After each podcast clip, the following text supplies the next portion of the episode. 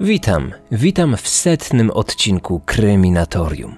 To już 100 materiałów, aż trudno mi w to uwierzyć. Gdy zaczynałem pod koniec lipca 2018 roku, bo wtedy opublikowałem pierwsze odcinki podcastu, nie zdawałem sobie sprawy, że tak wiele tego naprodukuję.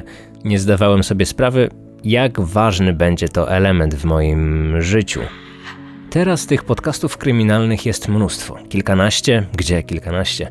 Kilkadziesiąt. W samej topce Spotify'owej jest ich y, wiele. Te kryminalne podcasty cieszą się największym zainteresowaniem i chyba to właśnie dzięki takim tematom wielu nowych użytkowników y, odnajduje podcasty i dociera do takich aplikacji podcastowych, jaką jest m.in. Spotify. Jednak gdy ja zaczynałem robić podcast, to było naprawdę coś zupełnie nowego. Kryminatorium było pierwszym podcastem kryminalnym. Równo ze mną zaczynał też Karol Paciorek, dwóch typów podcast. Dopiero z czasem pojawiały się coraz to nowsze podcasty i widać, że z miesiąca na miesiąc te statystyki są coraz większe, coraz więcej osób zaczyna słuchać podcastów, interesuje się podcastingiem i wszystko idzie w dobrym kierunku. Wygląda na to, że miałem e, nosa, że jednak w pewnym momencie mojej YouTube'owej kariery zdecydowałem się przenieść e, na samo audio i rozkręcić podcast kryminalny. W podjęciu tej ważnej, ale jakby nie było też trudnej decyzji pomagała mi Gosia Zmaczyńska, również podcasterka, której bardzo dziękuję. To ona na początku wdrożyła mnie w świat tego podcastingu, jaki serwer, jak to publikować, jak to w ogóle działa. I Gosia jest przez to trochę taką matką chrzestną tego podcastu, ale ja również mam swoich podopiecznych, bo w mojej podcastowej karierze udało mi się namówić już do założenia trzy osoby. Jedną z nich jest Michał Larek z Zabójczych Opowieści, którego na pewno kojarzycie, szczególnie fani kryminalnych historii. Drugą osobą, która zdecydowała się założyć podcast za moją namową jest Konrad Szymański, który zajmuje się sportem, a dokładniej piłką nożną i prowadzi podcast Historie z boiska. Polecam Wam bardzo serdecznie wiele ciekawych historii opowiedzianych w podobnym klimacie jak e, Kryminatorium.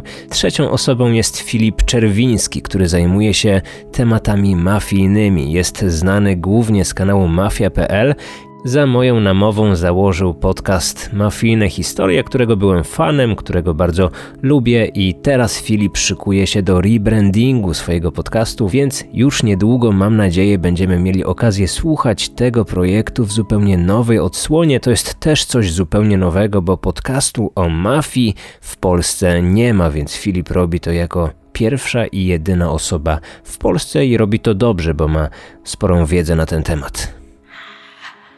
Mamy więc setny odcinek. Pewnie wielu z Was e, myślało, że na tę okazję przygotuję coś niezwykle specjalnego. Takie pytania, takie propozycje pojawiały się m.in. na moim Instagramie w wiadomościach prywatnych, które od Was tam często dostaję. Przez jakiś czas chodziło mi coś takiego po głowie. Na początku myślałem o tym, aby przygotować odcinek wspólnie z Wami, aby to Wasze głosy, głosy słuchaczy pojawiły się również w tym, w tym setnym odcinku podcastu. Myślałem również o jakimś QA albo niezwykle długim odcinku ale ostatecznie uznałem, że nie będę wymyślać za wszelką cenę i za chwilę posłuchacie standardowego odcinka po tym moim krótkim wstępie. Jeszcze tutaj kilka słów chcę Wam przekazać. Tak, ten setny odcinek wiąże się również z tym, że postanowiłem nieco odświeżyć okładkę podcastu. Mamy też nowe oficjalne logo w końcu, bo ta literka K, która pojawiała się w okładce, która no stała się już takim znakiem rozpoznawczym, była stworzona przeze mnie. Robiłem to szybko, bez większych umiejętności, nie zdając sobie sprawy, że podcast odniesie jakąś popularność, że, że będzie się to tak wszystko szybko i, i prężnie rozwijać, więc teraz, gdy tych widzów Boże, gdy tych słuchaczy jest coraz więcej, to też postanowiłem zrobić coś, aby to wyglądało ładniej. Ta okładka pewnie już niedługo będzie pojawiać się w standardowych odcinkach jako okładka podcastu. Gdy nagrywam te słowa, to jeszcze jej nie opublikowałem i przyznam, że mam pewne obawy, jak słuchacze na nią zareagują. Wy, gdy wyjdziecie już na Instagram, to będziecie wiedzieć, czy okładka się podoba, czy nie. Ogólnie jest w podobnej stylistyce, w podobnym klimacie, e, ale nieco chyba ładniejsza, odświeżona. Tak to wygląda. To co, przechodzimy do sprawy kryminalnej, którą dla Was. A nie, jeszcze nie, jeszcze mam tutaj ważny komunikat. E, Empik Go. Wspominałem o tym dwa tygodnie temu. Teraz są tam już do odsłuchania dwa odcinki Kryminatorium, a jutro pojawi się trzeci. Są to materiały, które nigdzie indziej nie były publikowane i nigdzie indziej publikowane nie będą. Wyłączność ma Empik Go. Pierwszy odcinek opowiadał o sprawie zabójstwa szwedzkiej dziennikarki Kim Wall. Drugi odcinek to była sprawa Luki Magnoty, a już jutro, czyli we wtorek, oczywiście zakładam, że słuchacie podcastu w dniu premiery, pojawi się odcinek poświęcony sprawie Nataszy Kampusz. Serdecznie Was zapraszam do odsłuchania tych odcinków. Wystarczy ściągnąć na telefon aplikację Empik Go. Przez pierwsze 7 dni możecie testować bezpłatnie, później w miesięcznym abonamencie macie dostęp do audiobooków, do e-booków, do podcastów, jeszcze w Zależy to od planu abonamentowego, jaki wybierzecie, ale ogólnie bardzo ciekawa i warta uwagi oferta. Ja codziennie słucham audiobooków, chociaż po kilkanaście minut dziennie i, i no nie wyobrażam sobie funkcjonowania bez, bez tego typu serwisów. Odcinki na Empik Go będą pojawiać się jeszcze w kolejnych tygodniach, a my przechodzimy już do historii kryminatorium. Tym razem przenosimy się na wschód.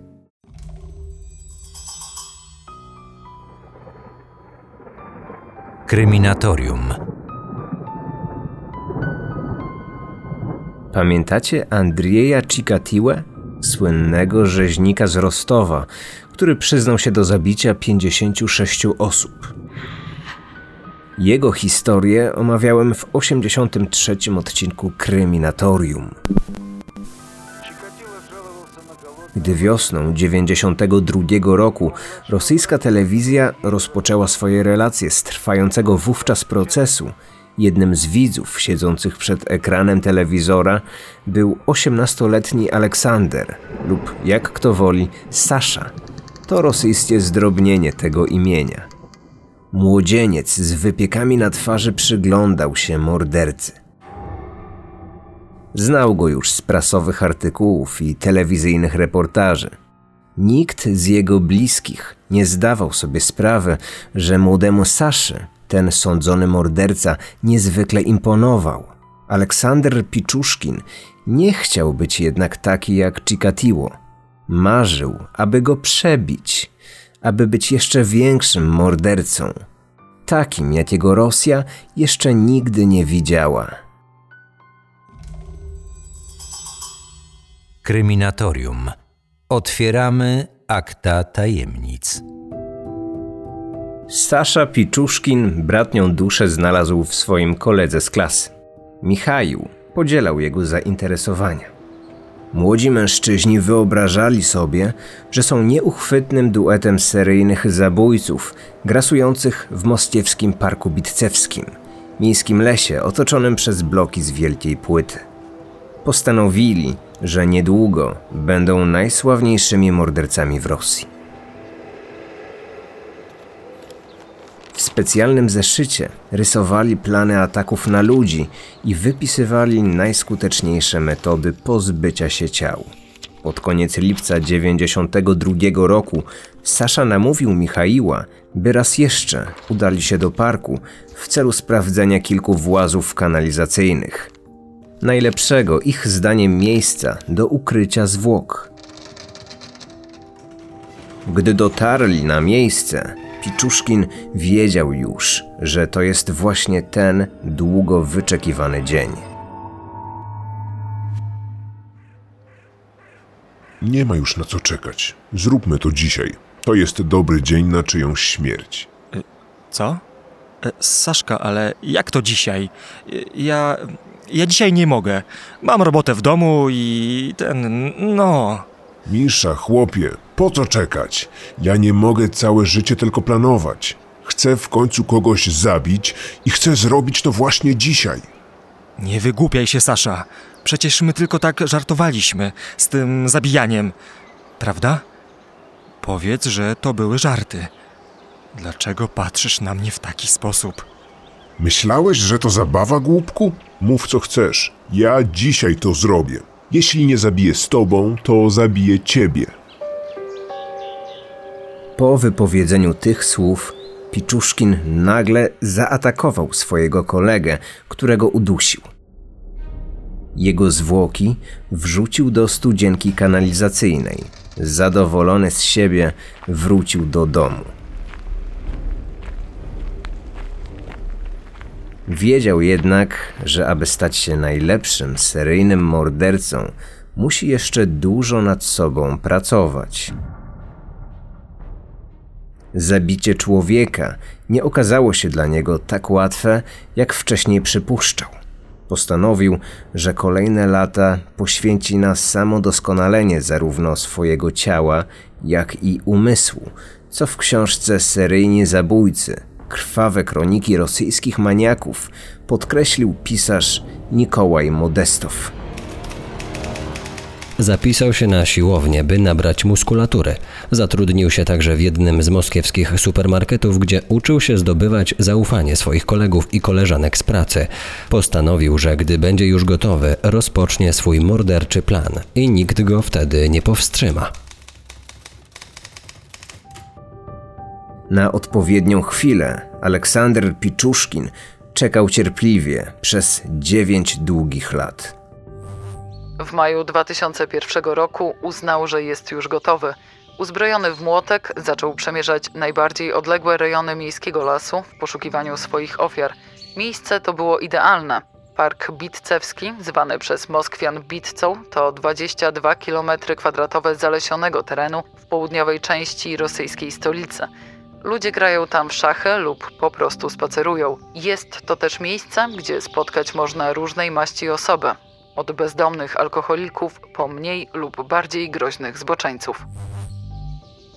Milicjanci często patrolowali ten teren, jednak żaden z funkcjonariuszy nie trafił na ślad grasującego tam Aleksandra Piczuszkina, który do roku 2005 zamordował w bitcy co najmniej 30 osób. Pisząca o jego zbrodniach dziennikarka Aleksandra Krasnogorska tłumaczyła, dlaczego morderca pozostawał bezkarny. Przez długi czas nie natrafiono na zwłoki jego ofiar. W celu pozbycia się ciał, Piczuszkin wykorzystywał liczne wystające z ziemi włazy betonowych studzienek, które są częścią wielkiego systemu kanalizacyjnego biegnącego pod ziemią i oplatającego całą Moskwę.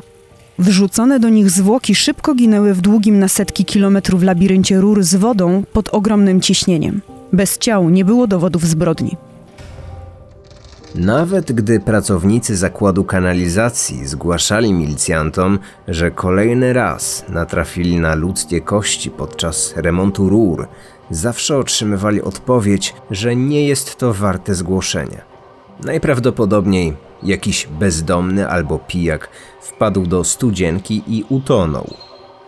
Milicja nie próbowała nawet powiązać odnalezionych ludzkich szczątków z coraz liczniejszymi zgłoszeniami zaginięć, do których dochodziło w obrębie parku. Przez pięć lat Piczuszkin mógł się czuć jak najbardziej bezpiecznie. Dla niego było to jednak za mało. Chciał być sławny, Pragnął, żeby o jego zbrodniach pisały gazety. Postanowił więc swoje dzieło zaprezentować światu. Milicjanci patrolujący park na pierwsze porzucone zwłoki natrafili 15 października 2006 roku. Po miesiącu znaleziono drugie. Kolejne Piczuszkin zostawił kilka dni później. Żadne z ciał nie było ani ukryte, ani okradzione.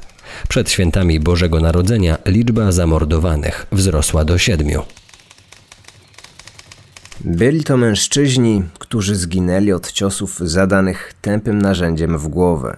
Zwłoki łączył wspólny, makabryczny element butelka po wódce lub kij, wetknięte w dziurę w czaszce.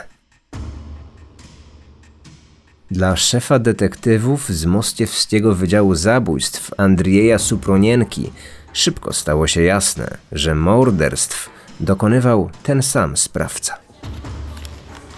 Gdy tylko dostałem akta tej sprawy, od razu wiedziałem, że mamy do czynienia z seryjnym mordercą, który okalecza ofiary w bardzo charakterystyczny sposób. Butelki i kije wsadzane w ziejącą ranę były jego podpisem.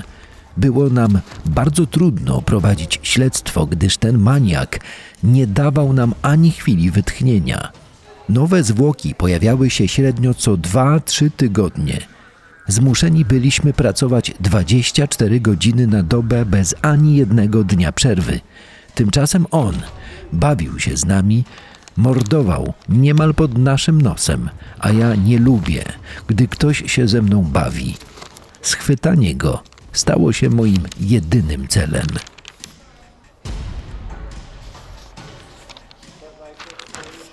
Milicjanci nazywali mordercę maniakiem z bitcy. Budzący grozę pseudonim szaleńca szybko przedostał się do prasy. Już po pierwszych artykułach o nim na mieszkańców Moskwy padł blady strach.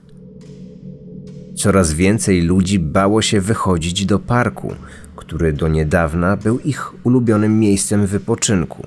Wraz z ludzkim strachem rosła też presja wywierana przez moskiewskie władze na Supronienkę. Tymczasem zabójca działał bardzo ostrożnie i nie pozostawiał żadnych śladów. Na miejscach zbrodni nie udało się zabezpieczyć ani jednego odcisku palca.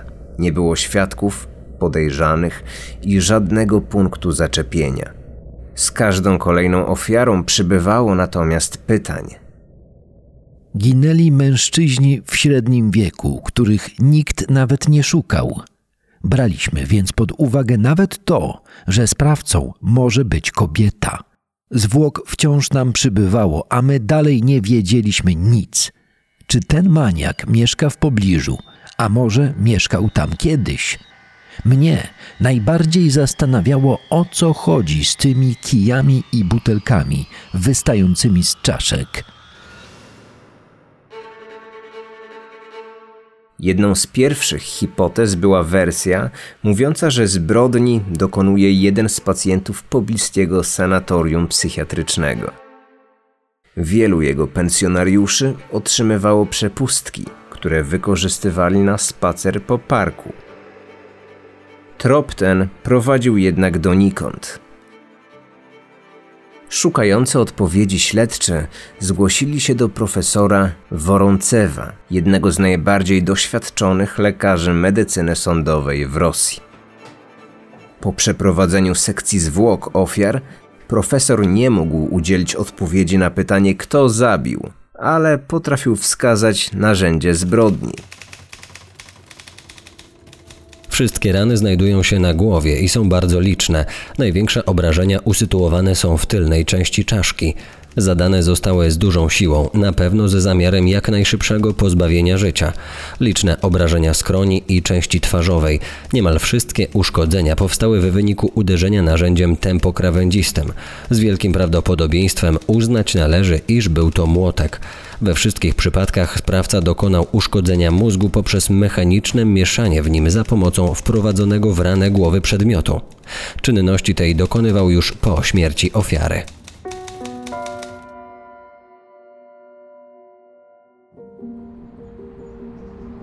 Wzmocniono milicyjne patrole. 200 funkcjonariuszy ubranych po cywilnemu otrzymało rozkaz zatrzymania każdej podejrzanej osoby, bez względu na jej płeć. Przesłuchiwano nawet nastolatków. W tych patrolach często osobiście brał udział Andrzej Supronienko. Dwa razy wydawało się, że szczęście zaczęło mu sprzyjać. Za pierwszym razem dziwnie zachowujący się mężczyzna poproszony o dokumenty zaczął uciekać przed milicjantami. Został postrzelony w nogę i zatrzymany. Podczas przesłuchania okazało się jednak, że nie jest on zabójcą. Uciekał, ponieważ bał się, że zostanie obrabowany. Kilka dni później Supronienko minął w parku samotnie idącą kobietę. Kątem oka zauważył, że z jej torebki wystaje rękojeść młotka. Wezwana do zatrzymania, zaczęła uciekać.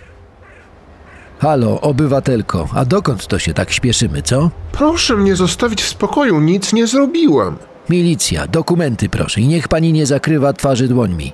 Co jest grane do cholery? Pani, Pani nie jest panią, pani, pani jest panem, panem w sukience. To moja sprawa, w czym chodzę. A moja sprawa to ten młotek w torebce. Po co on panu? To znaczy pani. No przecież, że do samoobrony. Głupie pytanie.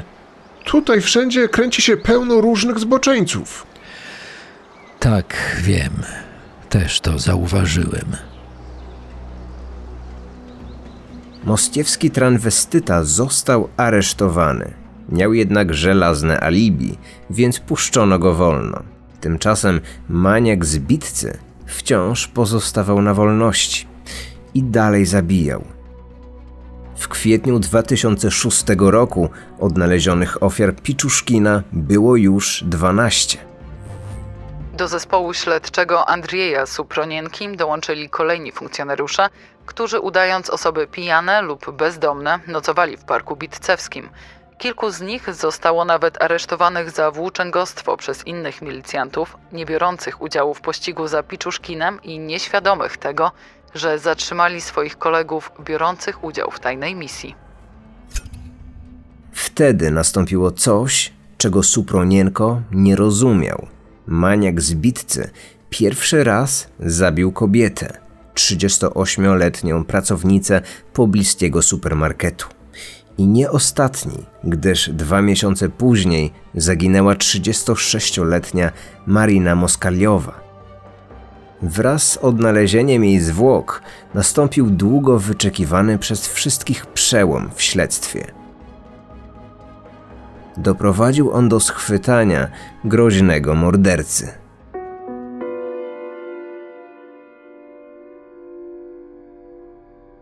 Marina Moskaliowa pracowała w tym samym supermarkecie, co przedostatnia ofiara.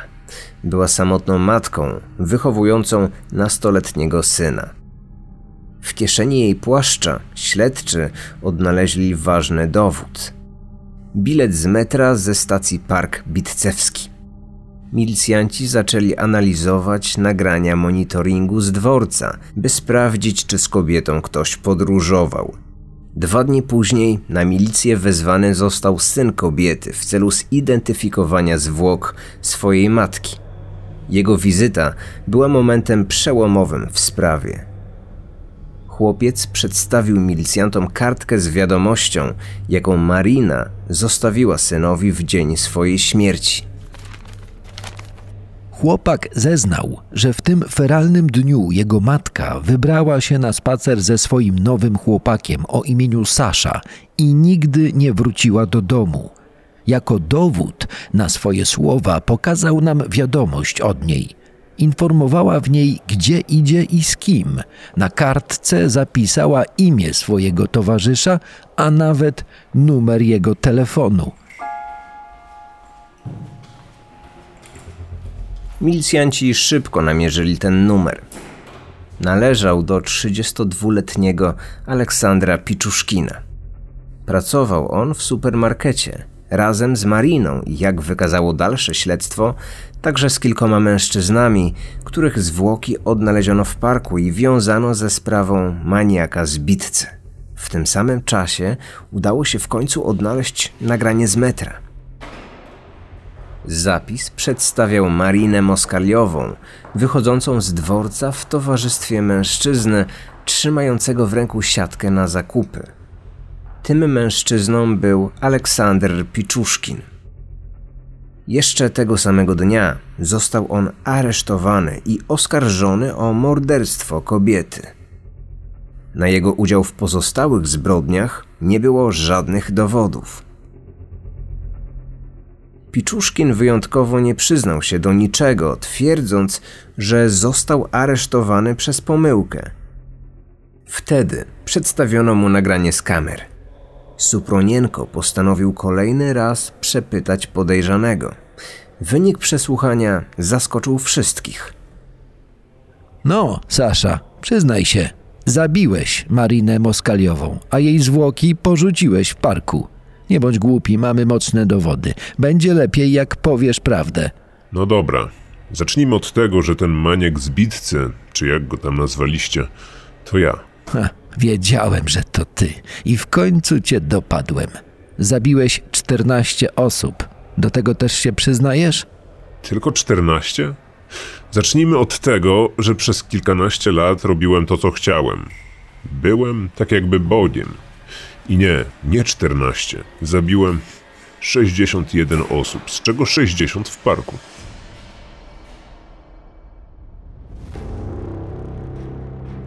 Milicjanci byli w szoku.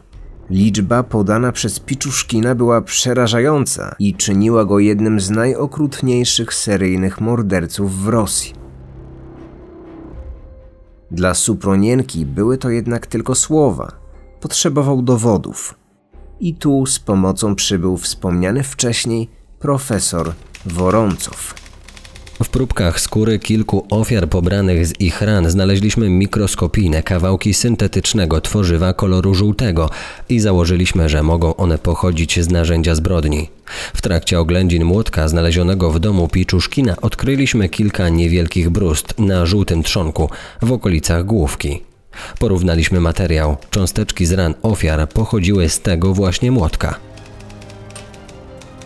Nastąpiły kolejne przesłuchania, podczas których Sasza Piczuszkin był już zupełnie innym człowiekiem. Pewny siebie, arogancki, przeświadczony o własnej wielkości. Z dumą opowiadał o najkrwawszych szczegółach dokonanych przez siebie zbrodni. Pierwszy raz zabiłem w roku 1992. Misza był moim przyjacielem. Chciałem, żeby był moim wspólnikiem od zbrodni. Wiecie, on był silny i małomówny. Takiego kogoś potrzebowałem. I nawet się zgodził, lecz po dwóch miesiącach naszych przygotowań chłop się wystraszył. Zaczął gadać, że nie jest gotowy, że to nie dla niego i takie tam. Długo o tym myślałem. W końcu był moim przyjacielem, ale mógł mnie wsypać i mój plan by się nie powiódł. Pierwsze zabójstwo jest jak pierwsza miłość. Tego się nie zapomina. Minęło 25 lat, a ja wciąż pamiętam, jakby to było wczoraj. Udusiłem go, a ciało wrzuciłem do studzienki. Założę się, że nigdy go nie znaleźliście. Studzienki to świetne miejsce. Wiecie, nie ma trupa, nie ma sprawy, prawda? Piczuszkin twierdził, że dla swoich ofiar był jak ojciec. Otwierał im drzwi do innego, lepszego świata. Morderstwa nazywał leśnymi czystkami. Szukał osób, które według niego nie chciały już żyć. Patrząc na alkoholika lub bezdomnego, myślałem, że to mój klient. Kto nie chciał żyć, stawał się moim klientem. Poznawałem się z nimi, a oni mi ufali. Potem ich zabijałem. Można powiedzieć, że zabijałem tylko swoich przyjaciół. Jeśli zabijasz kogoś, kogo dobrze znasz, przyjemność jest o wiele większa.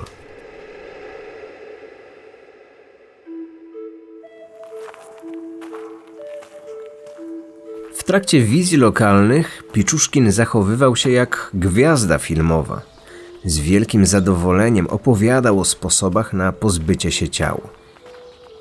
Kilka razy zaprowadził milicjantów w odległe rejony parku, do miejsc zbrodni, o których funkcjonariusze nie mieli pojęcia.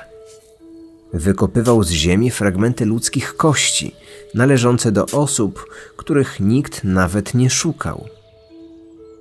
Piczuszkin potrafił sobie nawet przypomnieć ich imiona. Twierdził, że do kanałów wrzucił co najmniej 43 ciała. Te, które zostawił w widocznym miejscu, najprawdopodobniej rozniosły i zjadły bezpańskie psy. Przyznał się również do zamordowania dziewięcioletniego bezdomnego chłopca. Opowiedział też milicjantom, jak raz uciekła mu niedoszła ofiara. Ranny od ciosu w głowę mężczyzna wykorzystał fakt pojawienia się przypadkowych spacerowiczów i pobiegł w ich stronę krzycząc, że został napadnięty. Nie zgłosił się jednak na posterunek milicji. Kilka tygodni później Piczuszkin spotkał go na ulicy. Mężczyzna nie poznał jednak swojego oprawcę.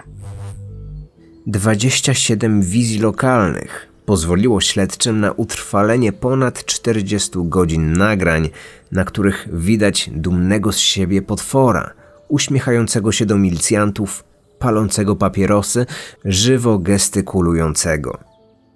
Czasami denerwował się, że nie może przypomnieć sobie jakiegoś szczegółu. Na ogół jednak wszystko doskonale pamiętał.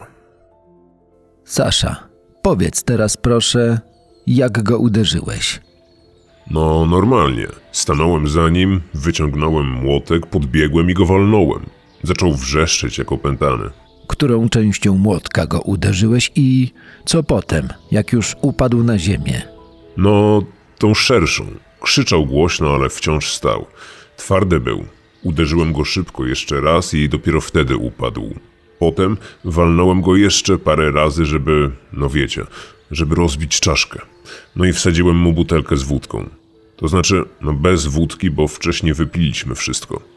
Najpierw chciałem mu wsadzić kij, ale nie pasował, no to dałem butelkę. Rzęził i harczał długo. Nie mogłem tego znieść. Dziwne, bo przecież był już martwy.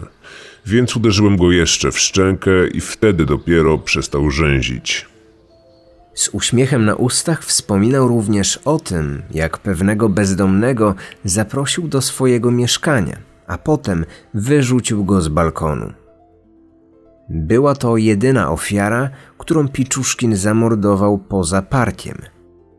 Do tej pory milicjanci uznawali tę śmierć za samobójstwo, a nie morderstwo. Roger Harrington w książce Aleksander Piczuszkin, szokująco prawdziwa historia szachownicowego mordercy, zwrócił uwagę na fakt, że Sasza miał wiele pretensji do milicjantów. Oskarżał ich o opieszałość i lenistwo. Zarzucał funkcjonariuszom, że nie potrafią odnaleźć wszystkich ciał i że nie pracują wystarczająco ciężko. Obecny podczas jednej z ostatnich wizji lokalnych inspektor Andrzej Supronienko chciał się dowiedzieć, skąd Piczuszkin wziął pomysł, aby wsadzać w martwe głowy butelki lub kije. Oczekiwał skomplikowanej odpowiedzi, jakiegoś wyrafinowanego sposobu na zapisanie się w historii swoim przerażającym podpisem. Piczuszkin wzruszył tylko ramionami i zupełnie bez emocji zaspokoił ciekawość wszystkich zebranych. Strasznie przeszkadzało mi syczenie. No wiecie, kiedy trup leżał z rozbitą czaszką, wydobywało się z niej takie dziwne syczenie, jak z pękniętej rury. Nie lubiłem tego dźwięku.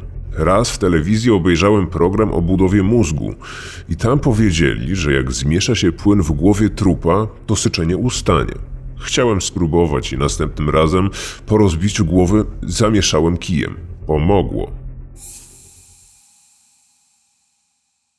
Podczas przeszukania jego mieszkania milicjanci natrafili na coś, co wyjaśniło motywy, którymi kierował się maniek zbitcy. Była to ukryta szachownica, na której polach morderca przyklejał karteczki z numerami. Jeden numer oznaczał jedno zabójstwo. Ostatnim przyklejonym numerem była liczba 61.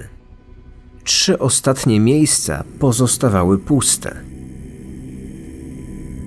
Informacja o tym lotem błyskawicy przedostała się do rosyjskiej prasy. Piczuszkin zyskał tym samym nowy przydomek szachownicowy morderca i był z niego bardzo dumny.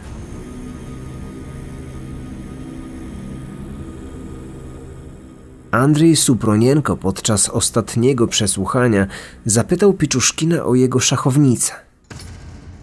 Sasza, powiedz szczerze.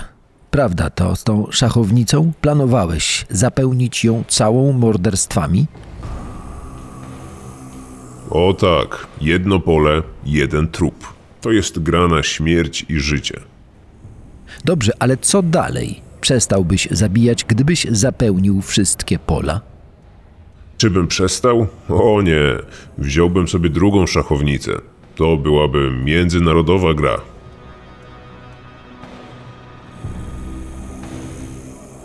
Moskiewska prokuratura zebrała wystarczająco dowodów, by móc postawić Aleksandra Piczuszkina przed sądem. Jego proces rozpoczął się 13 września 2007 roku. Szachownicowy morderca został oskarżony o dokonanie 49 morderstw i w obecności zagranicznych mediów miał teraz do rozegrania ostatnią partię. Piczuszkin był dumny, że wszyscy przyszli tam dla niego. Uważał, że przerósł swojego mistrza, Andrieja Cikatiłę, i to właśnie jemu należy się największa uwaga. O swoich zbrodniach opowiadał z dumą i widoczną radością. Najchętniej wchodził w dyskusję z sędzią. Od czasu mojego aresztowania mnóstwo ludzi decydowało o moim losie. Policja, śledczy, sędziowie, prokuratorzy i eksperci. Setka ludzi próbowała stanowić o losie jednego człowieka, tymczasem ja sam zdecydowałem o losie 60 osób. Byłem jednocześnie oskarżycielem, przysięgłym, sędzią i katem. Sam rozstrzygałem, kto będzie żył, a kto nie. Byłem prawie jak Bóg. Czy widzi sąd różnicę? Widzę, proszę pana. Polega ona na tym, że pan działał nielegalnie. Nielegalnie? Ja nie złamałem żadnych praw. Wcześniej je wszystkie unieważniłem. Dopiero wtedy robiłem, co chciałem. Czy ma pan wyrzuty sumienia? Czy pan w ogóle czegokolwiek żałuje? Tak, żałuję jednego, wysoki sądzie. Żałuję, że złapaliście mnie tak szybko, bo za dwa dni planowałem zabić kolejną kobietę.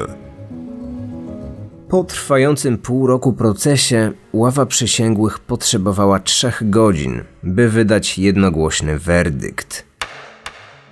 Aleksander Piczuszkin został uznany winnym 48 zarzucanych mu morderstw. Nie znaleziono jedynie mocnych dowodów na wyrzucenie bezdomnego przez okno. 29 października 2007 roku sędzia ogłosił wyrok. Biorąc pod uwagę ciężar wszystkich popełnionych przez oskarżonego przestępstw, a także zagrożenie, jakie stanowią one dla społeczeństwa oraz w celu zapewnienia sprawiedliwości i zapobieżenia dalszym zbrodniom, sąd postanawia skazać Aleksandra Piczuszkina na karę dożywotniego pozbawienia wolności. Choć Rosja oficjalnie nie zniosła kary śmierci, oficjalnie od 1997 obowiązuje w tym kraju moratorium na jej orzekanie i wykonywanie. To właśnie uchroniło szachownicowego mordercę przed pójściem drogą swojego idola, rzeźnika z Rostowa. Dziś 46-letni Aleksander Piczuszkin odsiaduje swój wyrok w kolonii karnej o nazwie Polarna Sowa. Jest ona usytuowana w jamalsko-nienieckim okręgu autonomicznym, daleko w mroźnej Syberii. Czasami odwiedzi go jakiś dziennikarz, by zapytać o jego zbrodnie. Dziennikarce gazety Moskiewski Komsomolec powiedział, co by zrobił, gdyby otrzymał warunkowe zwolnienie, o które wciąż bezskutecznie się stara. Gdyby mnie teraz wypuścili, pierwszą rzeczą, jaką bym zrobił, to zabiłbym. Może kilka zabójstw złagodziłoby mój stres. Potem zgwałciłbym kobietę i napiłbym się wódki.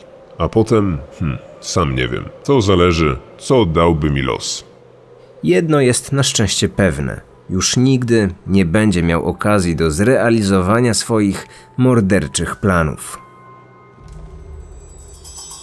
Kryminatorium. Otwieramy akta tajemnic.